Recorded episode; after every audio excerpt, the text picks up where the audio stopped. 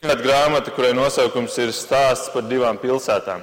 Visvairāk pārdotā grāmata vēsturē - 200 miljonu kopiju. Un šīs grāmatas autors ir Čārlis Dikens.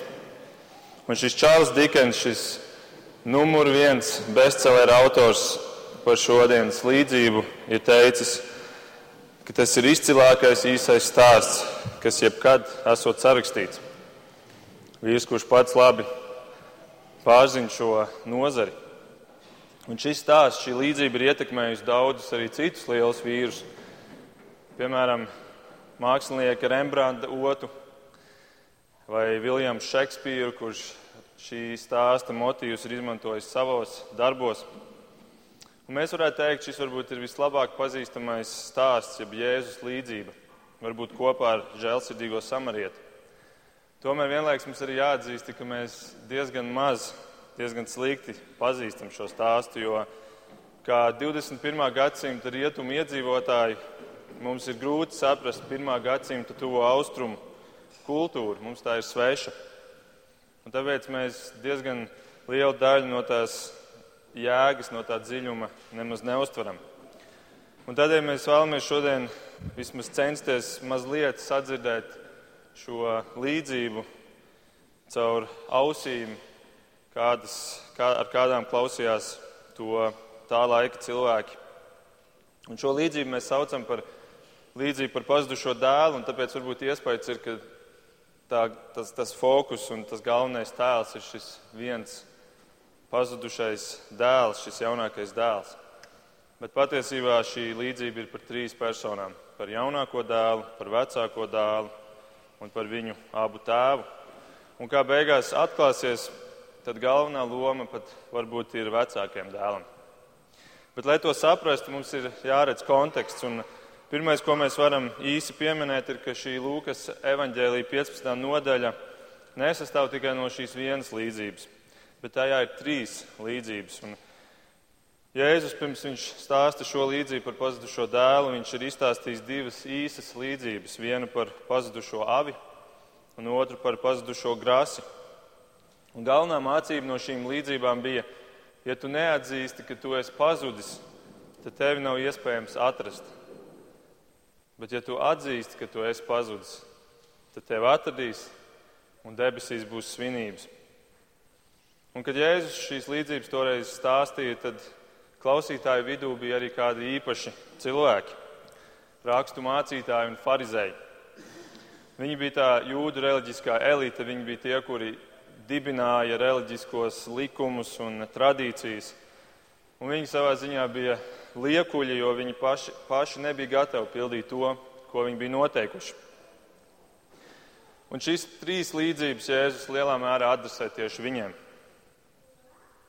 Jēzus vēsts šiem farizējiem bija, ka jūs domājat, ka ar jums viss ir kārtībā, bet jūs neesat gatavi atzīt, ka jūs esat pazuduši. Bet debes Tēvs priecājas tieši par tiem, kuri atzīst, ka viņi ir pazuduši un kur tiek atrasti. Nevis par tiem taisnajiem, kuriem atgriešanās nav vajadzīga. Un tāpēc pirmajā līdzībā Jēzus saka, ka debesis priecājas par to vienu avi, kuri pazūd un kuri tiek atrasti, nevis par tām 99, kuras nekad nav bijušas pazudušas. Un otrajā līdzībā viņš saka, ka debesis priecājas par to vienu grāsi, kas ir pazudis un kas tiek atrasts, nevis par tiem deviņiem, kuri nekad nav bijuši pazuduši. Un tā mēs nonākam pie šīs trešās līdzības, šīs līdzības par pazudušo dēlu. Un ja pirmās divas bija no dieva skatu punkta, ka Dievs iet un meklē aktīvi, tad šī trešā ir no cilvēka, no pazudušā cilvēka skatu punkta, kā cilvēks iet atpakaļ, meklē atpakaļ ceļu pie savu tēvu. Nu, lūk, un tā nu Jēzus ir sapulcējis šo pūli sev apkārt, to starp rakstu mācītājus un farizējus. Un Jēzus sāk savu līdzību. Viņš saka, ka kādam vīram bija divi dēli. Jaunākais no tiem sacīja tēvam: Tēvs, dod man īpašumu daļu, kas man pienāks. Un mēs, rietumnieki, izlasām šo teikumu, un mēs pat acis nepamirkšanām. Mums liekas, kas tur liels. Bet viņiem to dienu viņiem tas jau bija pirmais pārsteigums. Pirmās uzacis iespējams jau pacēlās mazliet augstāk, un, un, un kāds varbūt čukstēja jautājumu, kā lūdzu jaunākais dēls prasa tēvam mantojumu. Protams, prasīt, ja saņemt mantojumu, tā bija normāla lieta un tas, tā bija normāla praksa, taču tas vienmēr notika pēc tēva nāves.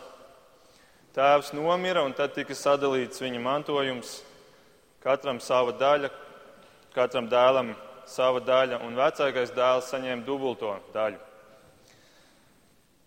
Un uh, hierarhija ģimenē bija ļoti skaidra. Tēvs ir pirmajā vietā, pēc tam sako vecākais dēls, un tad nāk jaunākais dēls. Un tādēļ fakts, ka šis jaunākais dēls uzdod šādu jautājumu tēvam vai, vai šādu, šādu prasību paceļ, tas pats par sevi jau ir bezskaunīgi. Tas ir bezskaunīgi. Un es ticu, ka tas ir varbūt, arī varbūt tas iemesls, kādēļ Jēzus piemin šos vecumus. Viņš nesaka vienkārši divi dēli, bet viņš saka jaunākais un vecākais. Bet tas, ka viņš prasa, ka šis jaunākais dēls prasa to, tas vēl ir nesalīdzināmi um, nesvarīgi salīdzinot ar to bezskaunīgo faktu, ka viņš to prasa dzīvam tēvam, tēvam, kurš joprojām ir dzīves. Tas ir pielīdzināms teikumam, es gribētu kaut tu būtu miris, tēvs. Es gribētu kaut tu būtu miris. Jo jaunākais dēls pieprasa tēvam to, kas viņam pienāktos pēc tēva nāves. Kaut tu būtu miris, tēvs. Un noteikti tas bija liels šoks šo klausītāju vidū. Kas tas ir par bezskaunīgu dēlu? Kā viņš tā var? Un it kā nebūtu jau pietiekami bezskaunīgi un šokējoši viss šī situācija, tad to visu vēl pastiprina viens cits aspekts, ka vārdam mantojums tiek izmantots grieķu vārds, kuru nekad citur neizmanto vārdam mantojums. Tā ir vienīgā reize Bībelē, kur šis vārds ir izmantots, un tas vārds nozīmē fizisko mantu. Dod man to fizisko mantu, kas man pienāks. Jo parastais vārds mantojums ietvēra mantu un atbildību par šīs mantas apsaimniekošanu. Tu saņēmi mantojumā gan mantu, gan visu saimniecību, gan ģimeni, par kuru tu turpināji rūpēties. Tu savā ziņā saņēmi ne tikai mantu, bet arī atbildību par apsaimniekošanu.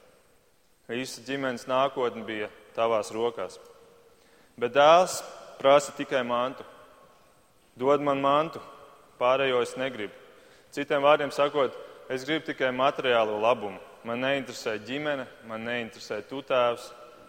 Man tev nevajag, man vajag tikai mantu. Es gribu beidzot tikt prom no tevis, prom no jums visiem un dzīvot sev.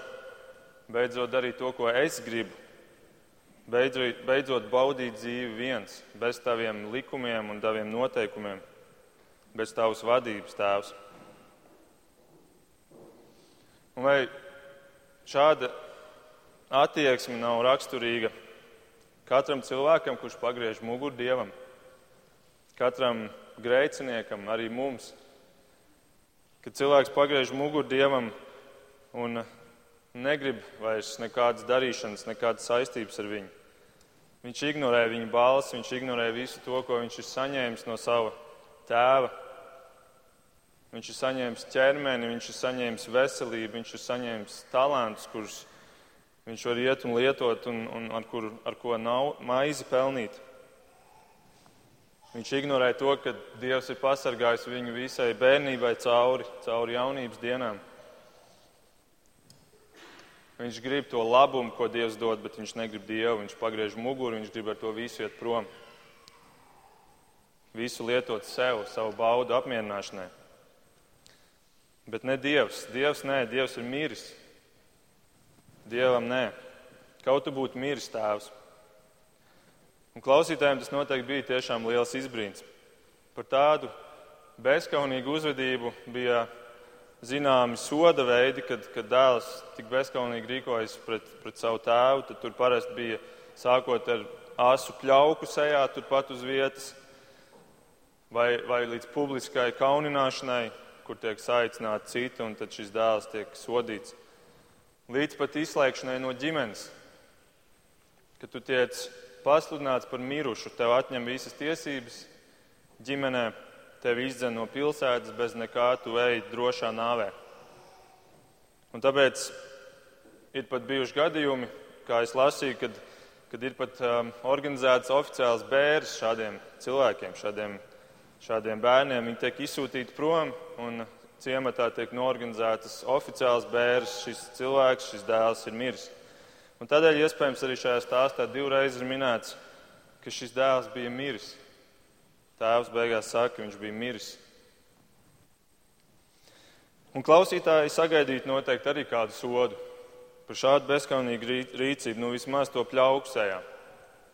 Bet tad seko otrais pārsteigums. Un tēvs sadalīja visu mantu starp viņiem. Ko dara tēvs? Viņš paklausa, viņš sadala mantu.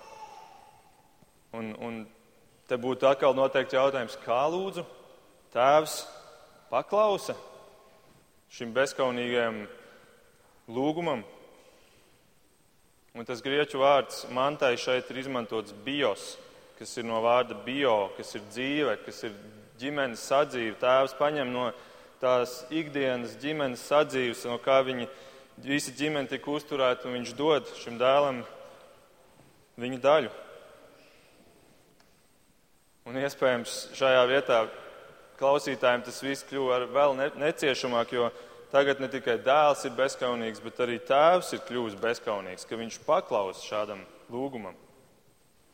Tā vietā, lai sodītu dēlu, viņš izpilda šo bezskaunīgo prasību. Un, un tuvajos austrumos todien arī vēl šodien sabiedrības dzīve ir balstīta ļoti lielā mērā uz goda un kauna principu. Un te mēs redzam kaunu no dēla puses un kaunu no tēva puses šo klausītāju acīs. Nepieņemama situācija. Jēzus te stāsta kaut kādu nepieņemamu stāstu.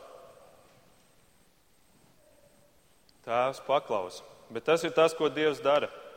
Kad cilvēks apzināti pieprasa, ka es gribu iet pa šo grēku ceļu, es gribu tajā palikt, un, un es iešu, un, un tu mani laidi, tad pienāk brīdis, kad Dievs vairs neliek akmeņus ceļā. Dievs viņus palaiž. Atcerieties, mēs runājām par homoseksualitāti, mēs lasījām romiešiem viens, kur Dievs divreiz nodod cilvēku šim grēkam, jo cilvēks prasa un prasa, un, un viņam neinteresē vairs Dievs, un Dievs viņu nodod, tas ir, tas ir, tā ir briesmīga situācija, ka Dievs vairs neliek šķēršļus ceļā, bet viņš palaiž. Un kad cilvēks pagriež muguru Dievam un saka, es vēlos iet dzīvot savās kārībās, tad Dievs viņu nodotam. Viņš neātur pret cilvēku gribu, kaut arī tā nav Dieva griba. Un šis jaunākais dēls tieši to lūdz. Un viņš lūdz, un viņš to saņem, un tad ir teikts, ka nedaudz dienu vēlāk viņš ir prom. Nedaudz dienu vēlāk. Tas nozīmē, ka viņš ļoti īsā laikā šo mantu pārvērta iespējams naudā, Viņam piederēja trešdaļa no īpašuma, un, un tikai dažas dienas viņam prasīja, lai, lai to visu apkopo tā, lai viņš var doties prom. Tā kā iespējams, ka viņš to pārvērta naudā. Un, ja tās ir tikai dažas dienas bijušas, tad mēs varam pieņemt, ka viņš pārdeva viņu par steidzamības pakāpes cenu. Un jūs jau zināt, kā tas ir, ka, piemēram, jūs skatāties kādu sludinājumu, SSLV, piemēram, es atvainojos par reklāmu. Um, un jūs redzat, kāds pārdod un pierakstīs klāt, ir, ir steidzami. Man viņu vajag pārdot steidzami. Tad jūs zināt, viņš būs gatavs to cenu nolaist zemāk nekā varbūt tirgus cena ir. Un tā un šis dēls ar lielu steidzamību atdod, pārdod šo savu īpašumu. Un iespējamais scenārijs bija, ka kāds nopircis viņu kā investīciju nākotnē, jo kamēr tēvs vēl ir dzīves, tikmēr tēvs viņu pārvalda, bet šim pircējam pieder īpašuma daļa kuru viņš varēs saņemt, tad, kad tēvs nomirs. Un tad jau viņš varēs iespējams viņu pārdot par augstāku cenu. Jo šis īpašums bija ļoti vērtīgs, kā mēs varam noprast no šī stāsta, jo tēvam bija daudz algāģu. Tādi bija tikai turīgiem cilvēkiem. Viņiem bija barots teļš ģimenē, kas, bija, kas nebija katram. Un tā nu šis dēls iet un dodas uz tālu zemi. un tāla zeme nozīmē noteikti pie pagāniem. Jūs zināt, Izraels bija Izraels, un visas pārējās tautas tiek saukt par pagāniem. Un šajā vietā, dzirdot, ka šis dēls dodas prom uz tālu zemi, mēs atkal dzirdam nopūtas un galvu kratīšanu. Jo jūdi nicināja pagānus, un šeit mēs redzam, kā dēls paņem šī tēva mantojumu un dodas uz svešu zemi, to visu vērtību paņem un dodas uz svešu zemi. Un ne tikai tur dodas, bet viņš tur izšķiež viņu. Kas par bezskaunīgu bērnu? Un Jēzus saka, ka viņš izlaidīgi dzīvoja tur. Vecākais dēls vēlāk saka, ka viņš uzdzīvoja ar netiklēm. Viņš ļāvās brīvai, brīvai vaļai piepildīt savus dziļākās vēlmes un iekārs. Un te ierodās jauns cilvēks ciematā, pilsētā ar pilnu maku, bagāts un nāk un uzdzīvo. Un angliski mēs šo stāstu saucam par prodigal son, kas nozīmē izšķērdīgais dēls. Viņš izšķērdē to visu. Viņš nenovērtē to, ko viņš ir saņēmis. Viņš dzīvo šodienai. Bet tad pienāk bats. Un tā mācība ir tāda, ka grēks nekad nebeidzas tā, kā tu to biji plānojis. Grēks nekad nebeidzas tā, kā tu to biji ieplānojis. Naudas izšķiešana bija viņa vaina, bet bats nebija viņa vaina. Bats var uznākt valstī, kur ir gan bezdievi, gan taisno. Un tomēr tā būtiskā atšķirība ir tā, ka tie, kuri ir zem dieva apsardzības, tie, tie tos bats neskars. Neskars tādā līmenī, ka viņi vairs nespēs izdzīvot. Dāvids 3.7. psalmā ir teicis, es biju jauns un kļuvu vecs, bet nekad es neredzēju taisno atstātu, nedz arī viņa bērnus lūdza maizi. Pat bada laikā debes tēvs rūpējas par saviem bērniem. Tomēr šis dēls bija atteicies no sava tēva. Viņš bija pagriezis muguru, aizgājis prom un uznāca bats, un tepat ir teikts liels bats. Liels bats uznāca. Un pirmo reizi dzīvē šis jaunākais dēls piedzīvo trūkumu. Pirmo reizi dzīvē viņš sāk ciest trūkumu. Un iespējams šajā vietā šie farizēji nodomāja, ha, viņš to ir pelnījis. Ja kāds to ir pelnījis, tad nu, šis bezkauņi to ir pelnījis. Pats vainīgs. Pats vainīgs, ka viņš pagriezis tēvam muguru. Un varbūt arī mūsu reakcija būtu tāda, ja mēs būtu tur un klausītos šo stāstu. Bet tā nu šis dēls nonāk šajā, šajā trūkumā, šajā lielajā trūkumā, kur viņam pat sāk pietrūkt pamat vajadzības, viņam vairs nav ko ēst viņš pats sāk ciest badu. Un tad ko dara cilvēks, kurš nonāk šādā situācijā? Viņš izdomā sev glābšanas plānu. Viņš izdomā, kā es tagad pats ar saviem spēkiem sevi izvilkšu ārā no šīs situācijas. Un tur ir teikts, viņš piemitnājās pie viena tās zemes pilsoņa. Un pilsoņi bija cilvēki ar statusu, un viņiem bija pilnās tiesības. Un šis dēls, kurš ir pazaudējis visu, viņš ir atstāts, viņam visi draugi ir pazuduši. Viņš piemitinās, un tas vārds piemitinās ir interesants vārds grieķu valodā kolao. Viņš, tas vārds burtiski nozīmē pielikt kā līmei. Tā tas ir burtiski arī aprakstīts. Viņš pielipa kā līme šim, šim pilsonim. Viņš ir tik ļoti izmisis, ka viņš iespējams pieķerās pie viņa un lūdz, lūdzu, palīdzi man, dod man iespēju kaut vai strādāt pie tevis. Un es esmu dzirdējis, ka, piemēram, ja tu aizbrauc uz Indiju, es pats neesmu bijis Indijā, bet, bet ja tu aizbrauc uz Indiju un tu esi baltais, tad tev ejot pa ielu, ubagi nāk un vienkārši ķerās klāt un lūdz, lai tu dod viņiem, dod kādu, kādu naudas monētu vai kādā citā veidā palīdz viņiem. Viņi tev burtiski pielīp pie tevis. Un tā iespējams šis dēls darīja. Viņš pielīja pie šī pilsoņa, viņš, viņš nelaiž viņu vaļā, kamēr šis pilsonis nepiekrīt. Nu labi, ej gani mans cūks. Iespējams vienkārši, lai tiktu vaļā no viņa. Labi, ej ganīt mans cūks. Un, kad mēs dzirdam vārdu cūkas, tad mēs atkal, kā jau rietumnieki, mums emociju nav, bet kā, kā jūds kurš dzird, ka šis jūdu dēls tagad ies un ganīs cūkas, cūkas, kuras vecajā derībā bija aizliegts ēst, jo, jo viņi skaitījās kā nešķīs dzīvnieks. Tu tagad iesi un ganīsi cūkas. Un iespējams nopūtas un neapmierinātība klausītāju vidū kļuva vēl skaļāks.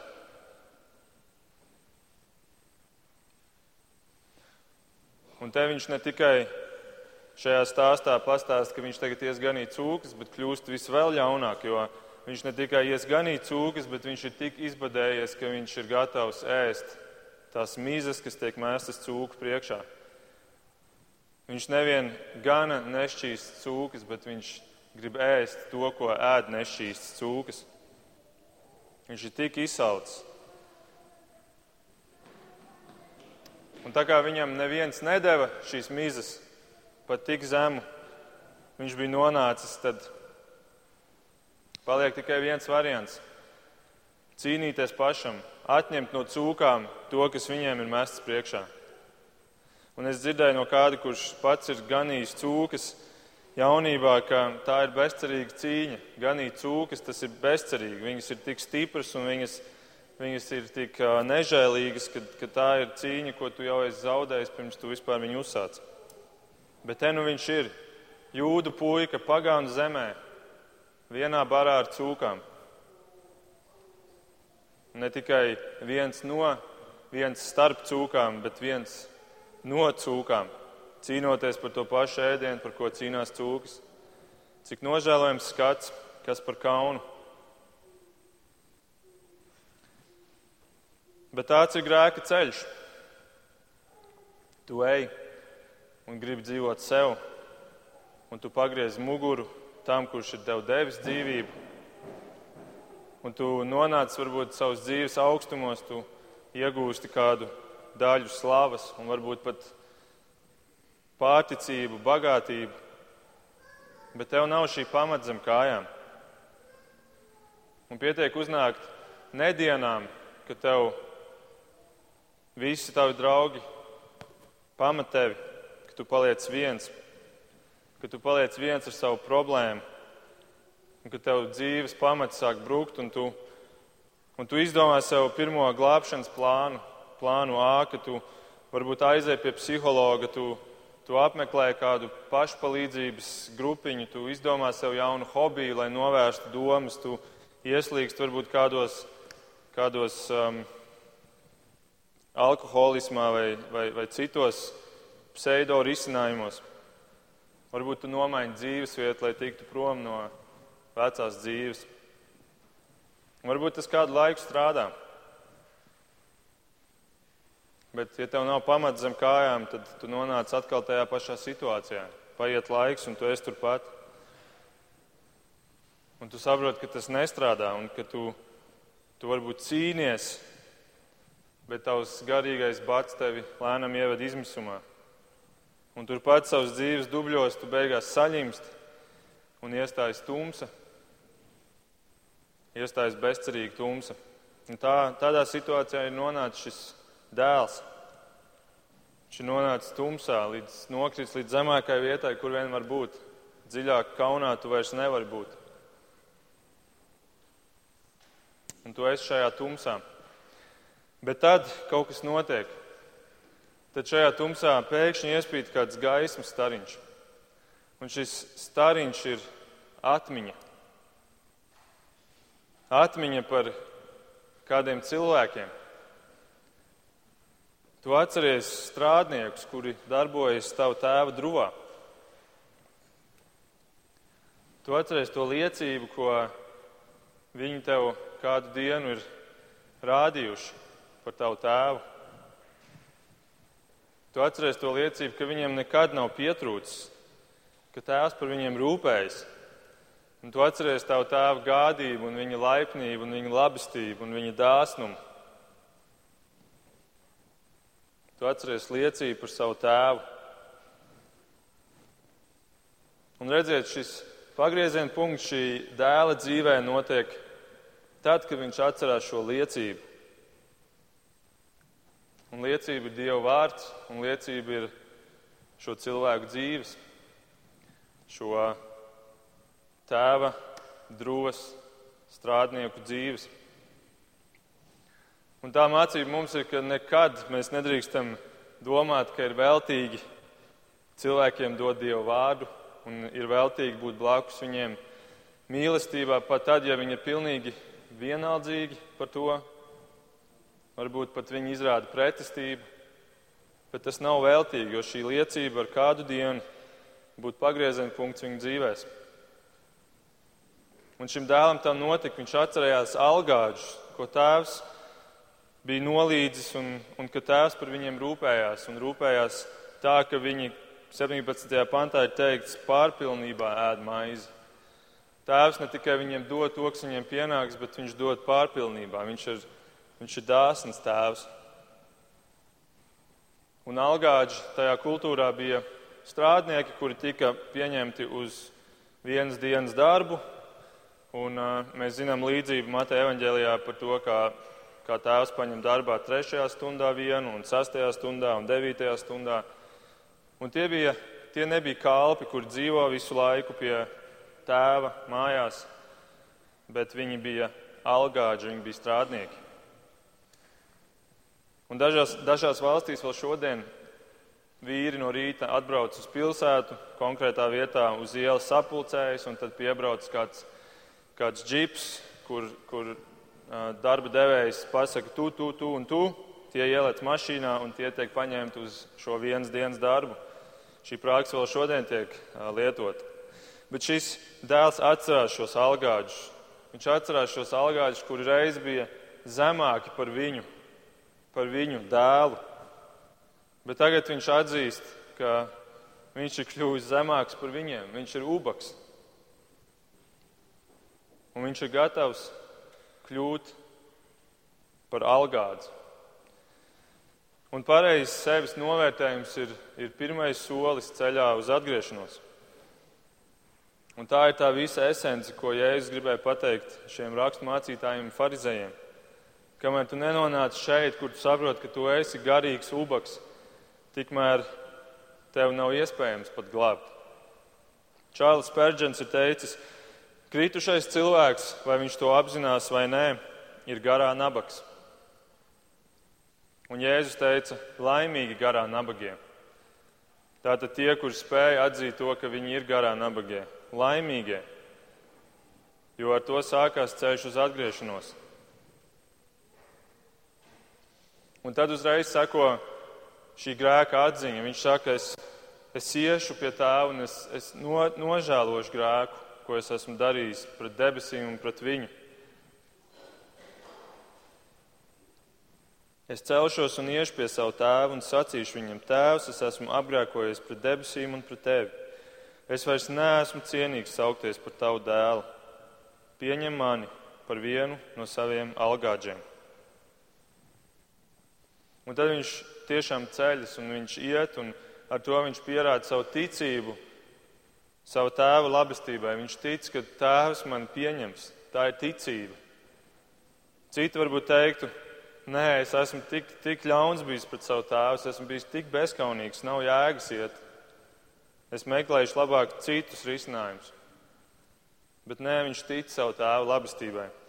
Un tā nu pareizs pašnovērtējums grēka atziņa un ticība Dieva labestībai.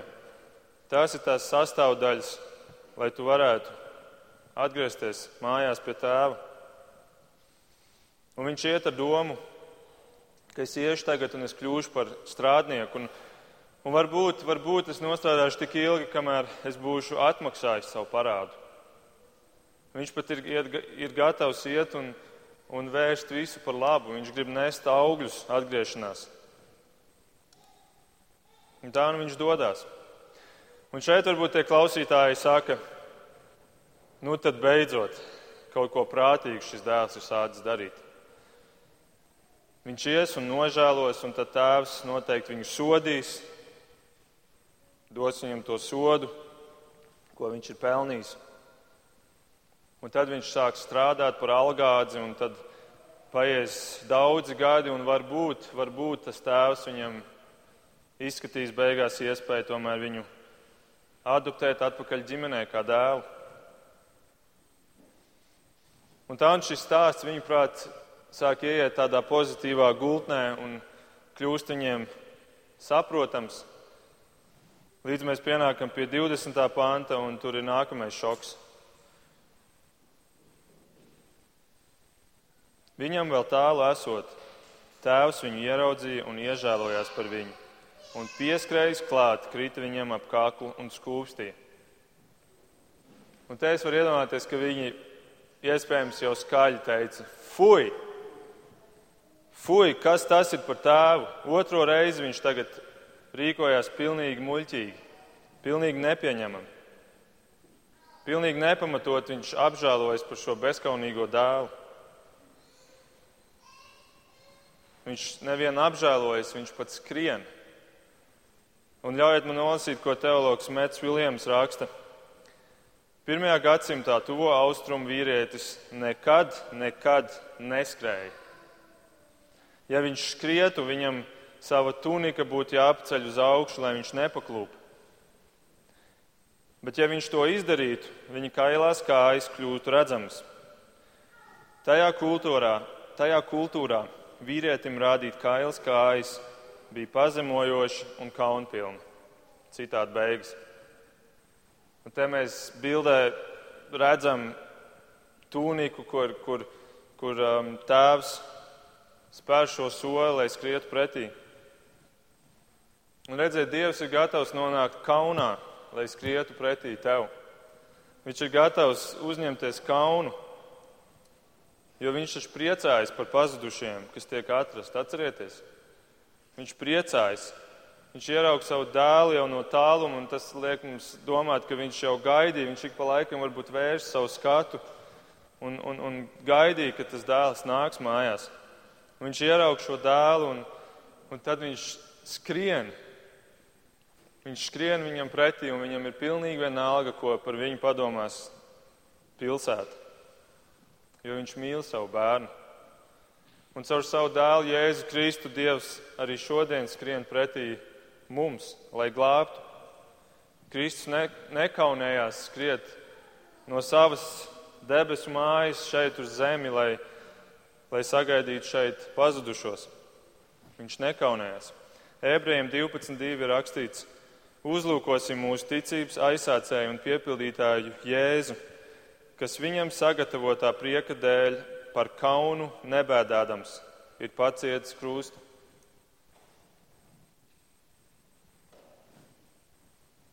Viņš nebēdāja par kaunu. Viņš nebēdāja par to, ka viņš nonāks kaunā tādēļ, lai viņš varētu tevi saņemt savās rokās. Un tas notiek arī šodien. Dievs nāk pretī, viņš skrien pretī tiem, kuri atzīst, ka viņi ir kļuvuši par garā nabagiem. Viņš skrien pretī, viņš uzņemas kaunu. Un ko tad Dievs dara? Ko tad šis tēvs dara? 22. pants. Bet tēvs teica saviem kalpiem: Ātri atnesiet vislabāko tērpu un apģērbiet viņu un velciet viņam pirkstā gredzenu un apaus kājās.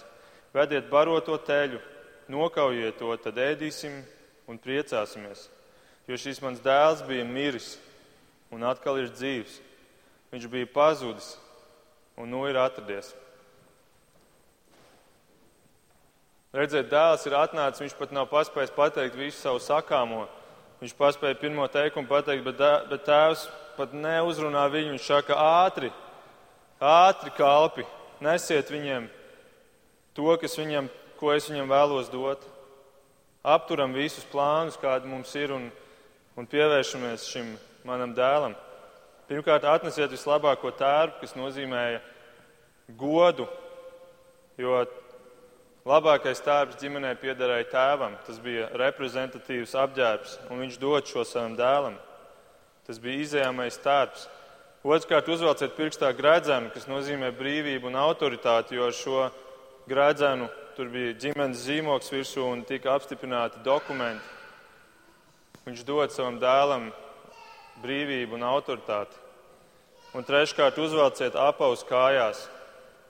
Kalpiem bija basas kājas, strādniekiem bija basas kājas, bet kungiem un viņu dēliem bija kurpes kājās.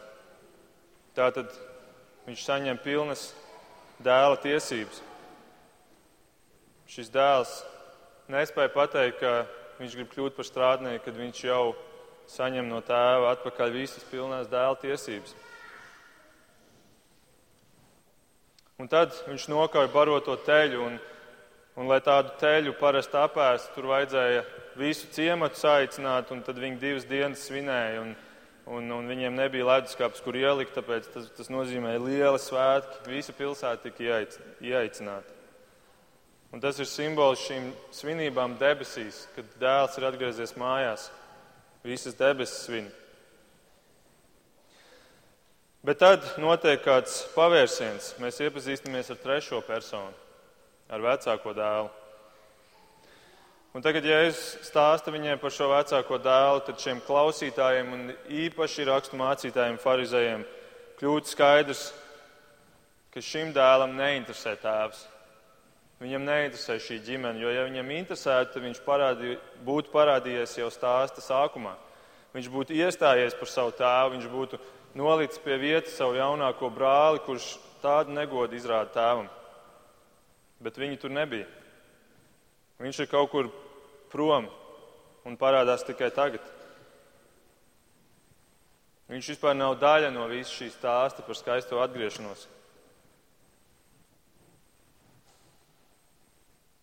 Viņš neiestājās par savu tēvu sākumā, un viņš arī tagad neiestājas, jo viņš tieši pretējo dara. Viņš dusmā saka, ka Kādēļ tu svini mana, mana brāļa atgriešanos? Kā tas var būt, ka tu svini to? Un raksturmācītājiem, viņuprāt, droši vien tēvs rīkojās kaunpilni, tādēļ viņi piekrīt šim vecākiem dēlam. Viņi domā, beidzot ir kāds, kuru mēs saprotam, beidzot ir kāds, kurš pasaka to, kas bija jau sen jāpasaka.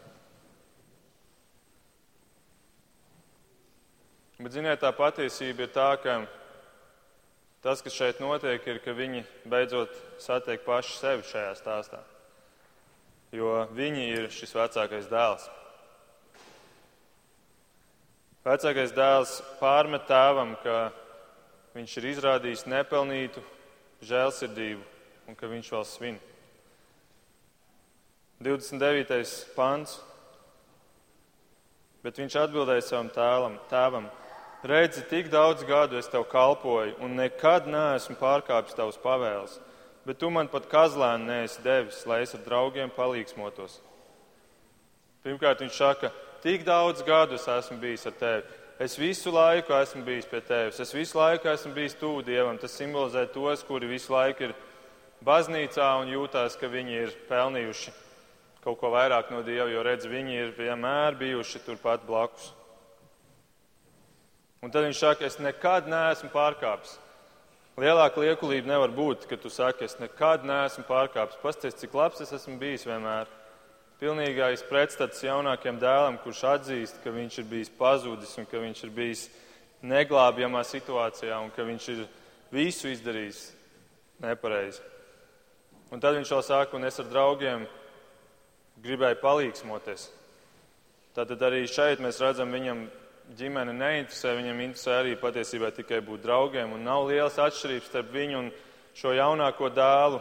Abi grib dzīvot savās kārībās. Vienīgā atšķirība ir tā, ka šis vecākais dēls ir liekulis un viņš vienkārši to nedara, tāpēc ka viņu pie tēva tur šis mantojums, šis dubultais mantojums, kas viņu sagaida nākotnē. Un tas ir izaicinājums mums katram kuri mēs saucam sevi par kristieti. Kādēļ es esmu šeit? Vai es esmu šeit, teikt, ka man ir bail no ēles? Vai es esmu šeit, teikt, ka es gaidu vienkārši savu mantojumu no debesīm? sev, savu mantojumu, savu svētības. Vai arī es esmu šeit teikt, ka es mīlu savu tēvu un es mīlu savus līdzcilvēkus. Vecākais dēls nemīlēja ne tēvu, ne brāli, kas ir viņa līdzcilvēks. Viņš nesaprata, kā var tā piedot. Viņa prāt, vecākais dēls, jaunākais dēls bija pats vainīgs un viņš bija pelnījis. Un tad sāko pēdējais pārsteigums klausītājiem. Jo tad, kad Jēzus šo ir pateicis, tad pēkšņi stāsts beidzas. Stāsts beidzas bez beigām. Pietrūks pēdējais teikums. Ko tad izlēma šis dēls darīt? Tēvs ir iznācis ārā, viņš aicina viņu iekšā, viņš lūdzās, visi viesi gaida. Bet ko tad viņš izlēma darīt? Un rakstu mācītāji farizēji noteikti domāja, nu, šis mūsu cilvēks, šis vecākais dēls, nu, ko tad viņš izlēma darīt beigās? Un Jēzus to nepasaka. Viņš aptur šo stāstu it kā vienu pāntu pirms beigām. Un teologi ir studējuši šo, šo, šo līdzību ļoti daudz un, un ir nonākuši arī pie secinājuma, ka tiešām trūkst pēdējais pants šajā stāstā. Ka pēc jūdu tradīcijām stāstiem bija raksturīgs ritms, ka viņš sastāv no četru vai astoņu pāntu ritma ka tev ir četri panti, četri panti, četri panti.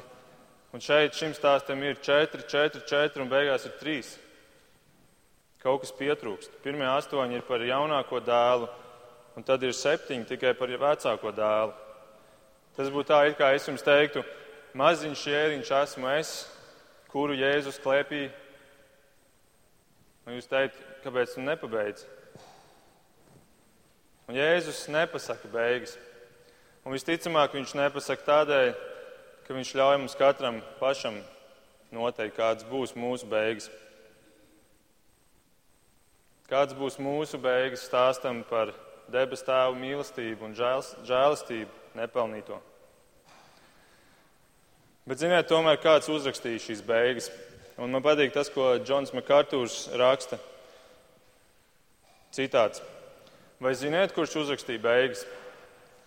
Pharizēji uzrakstīja beigas. Lūk, beigas, ko viņi uzrakstīja. Un vecākais dēls, jūties tēva aizvainots, paņēma koka gabalu un sita savu tēvu līdz nāvei, visu pārējo priekšā. Citādi beigas. Jo dažus mēnešus vēlāk šie paši raksturmācītāji un farizēji sita Jēzu krustā Golgātā, nogalināja viņu. Tādas ir viņu stāsta beigas. Bet Jēzus šajā stāstā parāda divus dēlus. Jaunākais dēls bija pazudis un atzina to, un viņš tika atrasts, un viņš saņēma nepelnītu žēlsirdību. Bet vecākais dēls nekad nejūtās pazudis. Viņš vienmēr bija turpat blakus viņa prātā. Un tādēļ viņš nesaprata, Kā var priecāties par, par otru laimi, kurš nāk ar tādu pagātni? Un, ziniet, es ticu, ka visi kristieši, arī jūs un es, un mēs katrs, kas esam šeit, mēs esam vai nu viens šis dēls vai šis otrs dēls. Vai nu mēs esam jaunākais dēls, kurš atzīst, ka es esmu bijis pazudis. Varbūt es neesmu bijis tik manās acīs tik bezskaunīgs, bet Dieva acīs jebkurš grēks ir bezskaunīgs. Un es atzīstu, ka es nāku no turienes, un tāpēc es saprotu tos, kuri šobrīd tur ir tajā ceļā. Es saprotu savus darba kolēģus, un savus draugus un kaimiņus. Un es vēlos viņus vēst atpakaļ uz tēvu mājām. Vai arī es esmu tas vecākais dēls, kurš uzskata, ka es visu laiku esmu kopš bērnības bez maz vai bijis pie dieva, kristīgā ģimenē uzaudzis. Man ir īpašs status dieva acīs, un un eh, man nemaz īsti nerūp, kā, kas notiek ar tiem, kuri ir pazuduši. Man nerūp tā, ka es nekad neesmu gājis to ceļu. Es vispār nesaprotu viņus. Es tur nekad neesmu bijis, un manuprāt, viņi ir vainīgi paši, un viņi, lai saņemtu to, ko viņi ir pelnījuši. Un tāpēc atcerieties, es teicu, šis ir misijas mēnesis mums. Nākamā nedēļa ir alfas dievkalpojums, un cik trāpīga arī tēva diena. Un tāpēc mēs varam, ja mēs uzskatām un mēs ticam, ka mēs esam šis jaunākais dēls, tad aicināsim šos pazudušos dēlus un meitas atpakaļ uz tēvu mājām. Aicināsim uz šo alfas dievkalpojumu un arī lūgsim par viņiem, lai debes tēvs atver viņu sirdis, lai viņi būtu gatavi atsaukties mūsu aicinājumam. Lai Dievs mūs svētī uz to. Lūksim!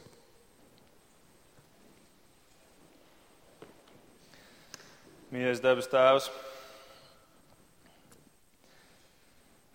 paldies, Kungs, ka, ka,